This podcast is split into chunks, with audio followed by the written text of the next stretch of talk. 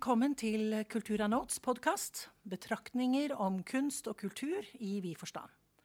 Jeg heter Siri Vollan, og jeg er kunsthistoriker, journalist og fotograf. Min gjest i dag er billedkunstner Helene Knop. Vi skal snakke om figurativ kunst, annen kunst og litt om menn. Kanskje vi kan starte med det siste. Fortell om dine menn i kunsten og din seneste utstilling. Ja, jeg har uh, nettopp hatt uh, en utstilling på Grand Hotell um, som jeg har valgt å kalle for Menn. Uh, utgangspunktet for den utstillingen var egentlig en utstilling som jeg hadde sammen med to andre malerinner, Turid Spilde og Katrine Bergsrud. det var faktisk de som kom på ideen om å hva skal man si, snu kunsthistorien på hodet. og det er jo at kvinner maler menn. Så det var utgangspunktet uh, for min utstilling, at jeg tok på en måte denne utstillingen vi hadde sammen, med meg videre.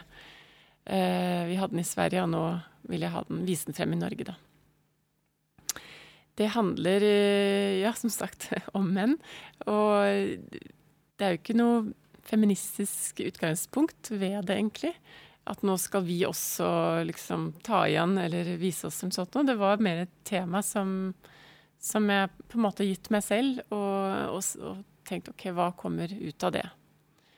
Um, så det er mange forskjellige temaer jeg har berørt. Alt fra liksom den sterke finansmannen til den sårbare, til den historiske skikkelsen.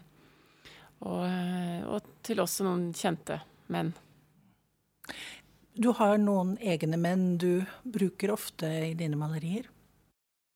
Noen egne menn, ja. Det er Altså, jeg, jeg, tror ikke jeg er den eneste som bruker eh, kjente og kjære, holdt jeg på å si, familiemedlemmer og venner, eh, som sine modeller. Eh, men det ble jo litt spesielt under korona, så det, det er jo nesten koronabilder hvor jeg er nødt til å bruke de jeg bor sammen med, som modeller. Men jeg bruker mye min egen mann. Jeg har også brukt mine sønner. Eh, og også andre, selvfølgelig. The female gaze, er det noe du tenker kunne være for denne utstillingen? Uh, ja Jeg vet ikke, de anser ikke meg selv som en sånn typisk med female gaze, så jeg vet ikke helt. Men uh, det har nok kanskje blitt allikevel. Um, det har jo blitt det i og med at jeg ja, jeg er kvinne og ser på en mann annerledes enn om en mann hadde sett på en mann, tror jeg. Og eh, apropos likestilling da, i kunsten, og kanskje likestilling i forhold til eh, hva som blir stilt ut eller innkjøpt, så har jeg tenkt litt på det. Jeg la merke til en artikkel i D2 for kanskje to år siden, hvor de hadde laget en oversikt over hvor mye eh, kvinnelige kunstnere tjener versus mannlige kunstnere. Og hvor mye, hvor mye som er innkjøpt for kvinner versus menn, og ja, alt det her. Men det er en ting som jeg alltid har tenkt over, det er jo at eh, man får hele tiden høre om eh, jenter er glad i å tegne som barn. Um, det er de som ønsker, og de fortsetter med det også ofte opp i ungdomsårene. Uh, de går på kunstskoler. Jeg selv får uh, jenter som ønsker å bli elever. Og, um, allikevel så skjer det et skille, for plutselig så er det mennene som um, kanskje får de beste utstillingsplassene og, og oppmerksomheten i når det virkelig gjelder de store pengene og antagelig tjener mest penger. Så jeg bare lurer på hvor, hva skjer der? Og det er jo noen som mener at, um, at menn har på en måte større ambisjoner. Uh, så det hjelper ikke om det er liksom massevis av jenter og kvinner og alt det her som opp gjennom årene ønsker og har talent og alt det her, men det er til syvende og sist de som bare har selvtillit og, og, og har denne ambisjonen da, om å nå til toppen. Og der skulle jeg ønske at den skjevheten på en måte fikk lov til å utjevnes litt. Uavhengig av at det skal komme noen hva skal man si, restriksjoner eller lover eller innkjøpsordninger, men bare en sånn bevissthet rundt dette. Uh, ja. Mm. Eh, har menn eh, noen moderne menn da, har de noen sånne litt drømmer om hvordan de vil bli avbildet? Har de noen ønsker? ja, det er et interessant spørsmål, fordi uh, jeg maler jo en del portrettoppdrag. Um, og da er det jo ofte en mulighet da, for en mann å kunne fremstå slik som man ønsker å være egentlig, innerst inne. Eller det kan også være en, en sterk historie han faktisk har hatt. Uh, men det, hvis det er som du tar den delen med at du uh, vil bli fremstilt på en måte som du ønsker, så er det ofte noe litt mer heroisk enn det man kanskje er i hverdagen. Så jeg tror det ligger et, en, et slags indre behov i å være en ridder, på en måte uten å ha på deg rustningen. Så er det noe innerst inne i ganske mange menn. Eh, du bruker veldig mye mm, litt gresk mytologi, eh, kanskje symboler i, i bildene dine. Eh, er det hvor, Hva har du gjort for å, for å gripe fatt i akkurat det? Jeg har, jeg har vært eh, Eller jeg har tilbrakt ganske mye tid i Italia. Og det var egentlig der jeg ble presentert for alle disse mytene og fortellingene og skikkelsene fra gresk og romersk mytologi. Eh, og det var jo først og fremst eh, mengden av fremstillingene rundt de samme personene som jeg ble så fascinert av. Det, det fantes jo liksom hundrevis av pollener, apolloner rundt omkring i rommet.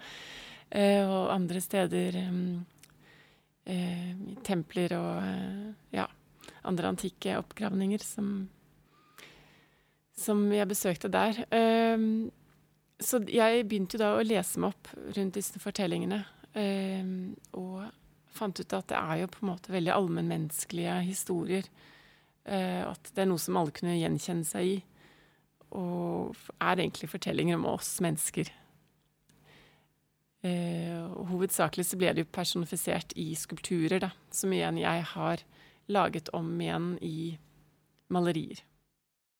Og da er jo mannen ganske heroisk, eh, ikke sant, i sin, i sin positur, kanskje? Eh, både ja og nei. Det er jo ganske sånne nedre scener også. Med f.eks. Apollon som flår Mars, ikke sant? etter at han har vunnet en kamp om hvem som er best til å uh, spille på um, um, fløyte eller fiolin.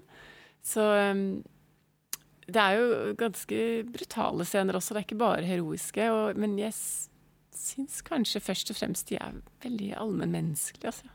Ja. Også i dag. Jeg må tenke på guder som heroiske. Men det er veldig få av dem som er rent heroisk. De har ofte en bakside, de også. Eh, men tematikken, hva er du opptatt av? Hvordan klarer du å, å velge ut de temaene du, du, du maler etter? Det må jo først og fremst være kanskje en fengende historie da, rundt den, det jeg ønsker å fremstille, eller en person jeg skal fremstille. Så har du på en måte mer stoff å ta av. Um, så jeg Hva skal man si Jeg, jeg lar meg mye inspirere av skulptur, uh, som allerede er laget. Mye fra antikken. Uh, og jeg henter jo også, som sagt Har hentet mye fra mytologien, men det ikke bare det nødvendigvis. Jeg liker jo også bare å gå rett inn i personen jeg treffer. Og, og, hente noe ut fra den personen som sitter modell for meg. Er det mange som bestiller et type maleri for seg? Det er overraskende mange. Skulle tro at det ikke var et behov lenger, men det er jo Selv om vi har fotografi og alle kan bli fotografert sånn, så er det på en måte som maleriet representerer noe annet, da. Eller klarer å fange noe annet da, enn en foto. Og, og, der tenker jeg at der er min rolle. At jeg kan være med og frembringe denne historien, eller å eh, gi et annet uttrykk enn det rent overfladiske. Så jeg får stadig vekk spørsmål om det. For portrettkunsten hadde jo en helt soleklar rolle, særlig på kanskje tidlig 1800-tall også, at enhver skulle ha et maleri.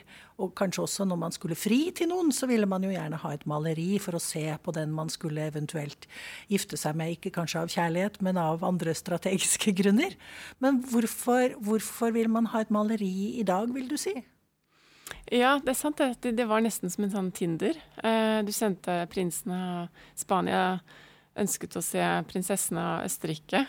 Før han giftet seg med henne, så fikk de malt et portrett og sendt over. Men um, ja, hvorfor, hvorfor, det er eh, Hvilken grunn har man i dag, vil du si? Ja, hvilken, hvorfor, ja man trenger jo ikke det sånn sett. Um,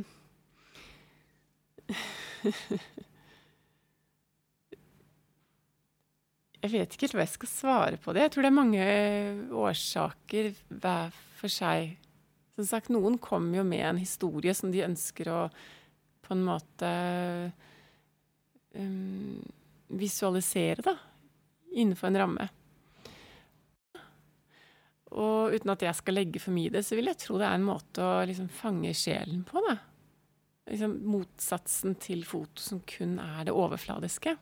Det er jo overflaten jeg jobber med også. Men det er jo ikke dette ene sekundet, det er jo ofte flere timer. Eh, jeg blir jo kjent med personen jeg maler. Vi tilbringer mye tid sammen, vi snakker sammen. Og jeg ser personen fra mange forskjellige Over mange dager, over forskjellige vinkler, over um, Ja, over tid, da. Du bestemte deg veldig tidlig for å bli kunstner og billedkunstner og male slik du gjør, figurativt. Hvordan eh, kom du til den beslutningen? Det var eh, Altså, jeg har jo alltid malt og tegnet eh, og alltid hatt et ønske om å prøve å etterligne virkeligheten så godt som mulig. At det var eh, noe jeg tidlig prøvde å oppnå. Og for meg så var det egentlig aldri et spørsmål om å prøve å hva skal man si, forandre Eller liksom ikke høre etter denne lysten, da, etter å, eller dette behovet med hele tiden å eh, ja, male det figurative. Så jeg har egentlig hele tiden eh, søkt personer som kan eh, lære meg det, og ting som har inspirert meg, og oppsøkt aktivt da, det jeg selv ønsker å, å kunne opp, ja, utføre selv, både teknisk og, og ja, er det mange som maler figurativt, vil du si? I forhold til et lite land så vil jeg si det er ganske mange. Og det er nok mye takket være Odd Nerdrum og øh, så mange som jobbet med det figurative, spesielt på 60- og 70-tallet. Det laget et eh, grunnlag, eller la et grunnlag da, for at det var en mulighet for å, å gjøre det i dag. Men hvis du kommer til andre land i Europa så er det nesten tabu. Spesielt Tyskland, f.eks., for eksempel, fordi der står Hitlers eh, hva skal man si, kjærlighet da, til det figurative, faktisk. Det, det, det henger litt igjen, så det, det, skal man absolutt ikke gjøre. Derimot i USA så er det en stor andel malere som er figurative. Italia, da? Italia har det også vært, eh, vært en del. Um, de er litt mer futuristisk og hva skal man si, symbolistisk anlagt, for de har liksom litt andre forbilder. Um, de har kanskje De Kiriko som sånn i bakhodet, mens i Norge så har vi Munch i bakhodet. ikke sant? At alle, hvert land har sin helt da, i, i kunsthistorien, eller sitt forbilde, som alle har et forhold til. Det er jo en del spørsmål nå. Man diskuterer eh, f.eks. Nasjonalmuseets åpningsutstilling eh, om hva som er god kunst, og hvem bestemmer det. Har du eh, noen mening om hva som er god kunst, og hvem som bestemmer det? Um, ja, det Jeg syns jo Nasjonalmuseet for så vidt har hatt, antagelig hatt en god intensjon om å lage denne utstillingen. Eh, jeg vet ikke helt om den utvelgelsen var så veldig demokratisk allikevel, selv om de får det til å virke som det var det. Um, men det er absolutt noen som bestemmer hva som er god og dårlig kunst. Og den utstillingen seg selv kommer jo til å være eh, toneangivende. Så alle de som blir stilt ut, blir antagelig også innkjøpt etter hvert også. ikke av Nasjonalmuseet, men av andre samlinger. Så det har de allerede fått en inngangsbillett. Så det er et sånn tydelig eksempel på hvem som bestemmer, da. Hvem bestemmer? Eh, jeg spør Dag Solhjell. Det er, eh, det er jo alt fra um, først og fremst eh, nåløyer som komiteer. Eh, eller før det igjen eh, hvem som går på Kunstakademiet, Kunsthøgskolen. Og, og, de igjen som får stipender. Og så igjen som får stille ut på godkjente utstillingssteder, som igjen fører til innkjøp og oppdrag fra Koro eller um, ja. Andre innkjøpsordninger. Og de andre kunstnerretningene, eller de andre kunstnerne, hva må de gjøre? De andre? Du mener de som ikke er inkludert i, disse ordningene? Mm.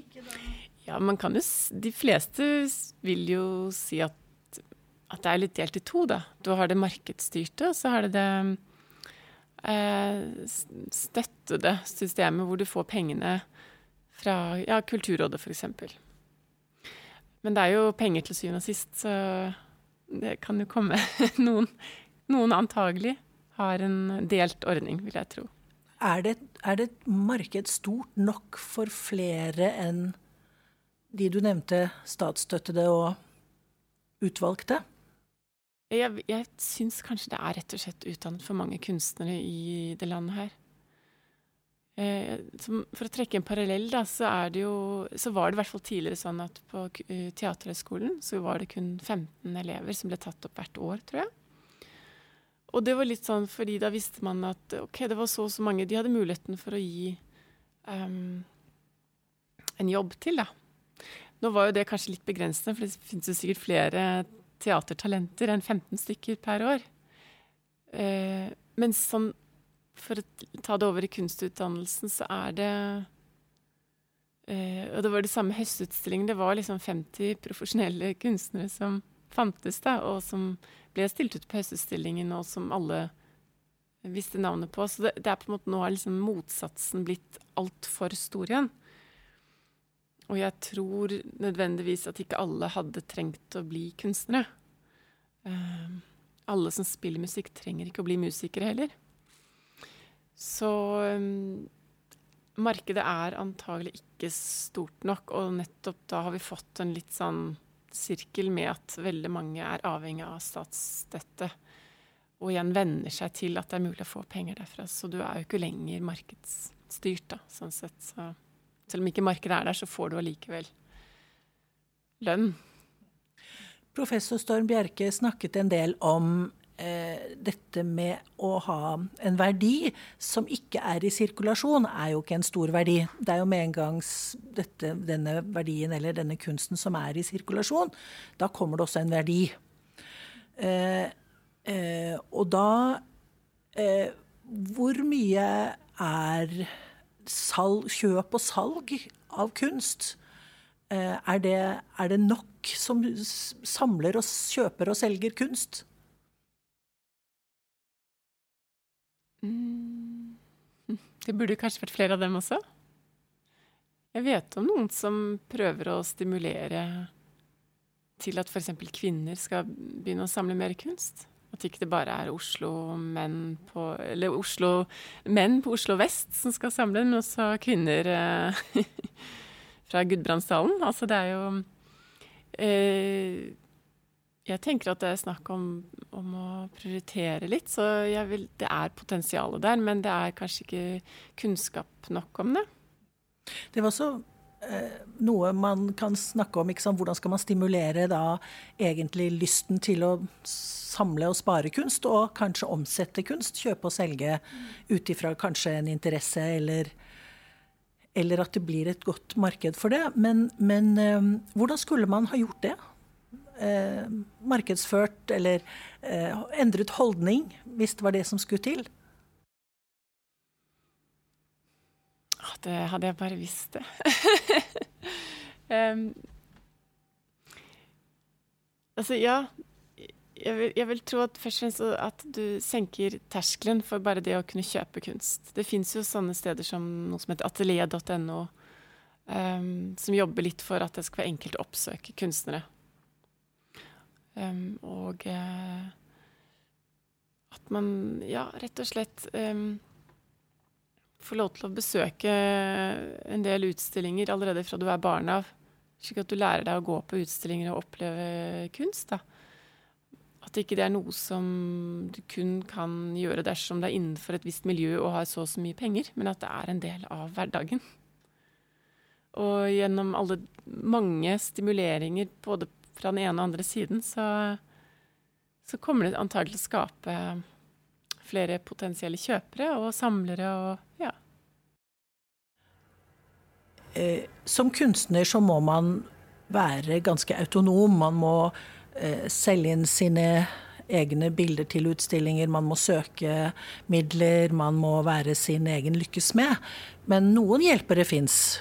Gallerister, kanskje. Ja, altså galleristens rolle eh, har jo vært ganske viktig. Det er jo leddet mellom den skapende og kunden. For det er jo ikke alle kunstnere som har så lyst til å ha kontakt med kundene, egentlig. Men så er man liksom nødt til å Eller blitt tvunget litt, da, de siste årene til at du selv er liksom Du er din egen selger.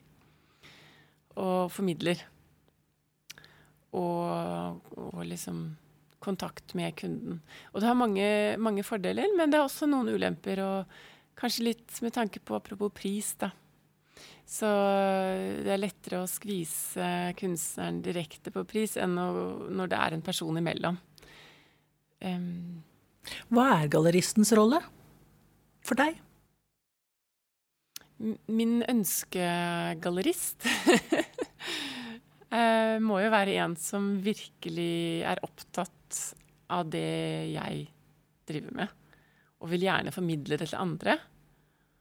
Um, og vise det frem til andre, og selge det til andre. Så det er i så fall en gallerist sin, uh, sin rolle. Kan man ha fler? Absolutt. Har du fler? Jeg, jeg stiller ut forskjellig, i forskjellige gallerier, så sånn sett har jeg flere gallerister. Men jeg har ikke noe fast sted. Det har jeg ikke. Hva slags kunst liker du? Eh, jeg er jo veldig opptatt av uh, Tizian, men du tenker mer sånn i forhold til vår tids kunst. Så som en av de store malerne så er jeg som sagt opptatt av, Tizian. Han, han, er en jeg stadig vekk kommer tilbake til, og jeg er veldig glad i å gå i samlinger og oppsøke um, palazzoer som har akkurat det ene maleriet av den Eh, barokke maleren fra denne epoken. Altså, det er liksom sånne ting jeg liker. Eh, så jeg har liksom hele kunsthistorien å fordype meg i. Tizian er en stor kolorist, eller var en stor kolorist. Han jobbet eh, veldig sånn lag, lagvis. Altså det er jo ikke bare at um, Det er ikke så lett å se hvordan han, han utfører ting som gjør at du får en veldig sånn levende overflate. Da. Og hans personer er liksom like levende i dag som de var den gangen. De, de er ikke liksom stivnet i et sånn tidsepoke. Og eh, ja, og hans komposisjoner er veldig bevegelige og flytende og herlige. Hvis, eh, det, liker du abstrakt kunst? Eh, jeg, jeg syns det er litt kjedelig, egentlig. Ja, jeg kan godt se at de har ut, benyttet seg av komposisjoner og farvesammensetninger som kan være pirrende, men jeg, jeg lar meg liksom ikke bevege av det, nei. Mm. Eh, et av dine bilder så hadde du bare brukt én farge. Og allikevel var det jo 1000 variasjoner. Hvordan jobber du? Eh, jeg jobber eh, Akkurat det bildet du henviser til, er jo såkalt fillebilde. Altså det er Grunnlaget jeg begynner på, er jo ikke hvitt. Det er jo allerede har en valør. Jeg tror det hadde en slags okerfarve. Eh, og så brukte jeg en litt dypere versjon av den ovenpå, og jobbet meg med denne fillen, da. Så jeg liksom brukte det som en, eh, et viskelær, nærmest. Så du henter opp den lyse farven under. Derav fillebildet. Fillebildet. ja. Så blir det en tone. Og så var det vel noe hvitt også oppå der igjen. Er det noe du pleier å gjøre? Det er noe som jeg alltid begynner et bilde med. Og i dette tilfellet så ville jeg få til å se ut som det var en skulptur. Så da fant jeg at det å bruke bare én farve gjør at det blir mer som en skulptur. Hvordan komponerer du? Jeg komponerer ut fra mm, hva skal man si, organiske former. Jeg har S-sirkler og kryss og gylne snitt og forsvinningspunkt og eh, horisonter og farvebruk. Masse som skal til for at det blir en interessant komposisjon. Jeg ser jo i tidlige skissene dine at uh, det er mye hjelpestreker og mye som skjer innover i bildet i, i en slags matematisk formel, kanskje? Ja, det er en slags matematikk, uten at jeg er så veldig god i matte. Men når det gjelder billedmatte, så er jeg ganske god. Og draperier. Draperier, ja, syns du det? Ja. Draperier er jo egentlig bare en betegnelse på et stoff som går i folder.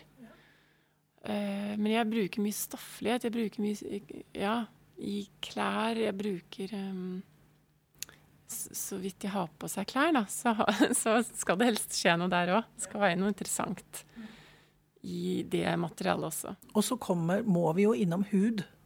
Hvordan maler man hud?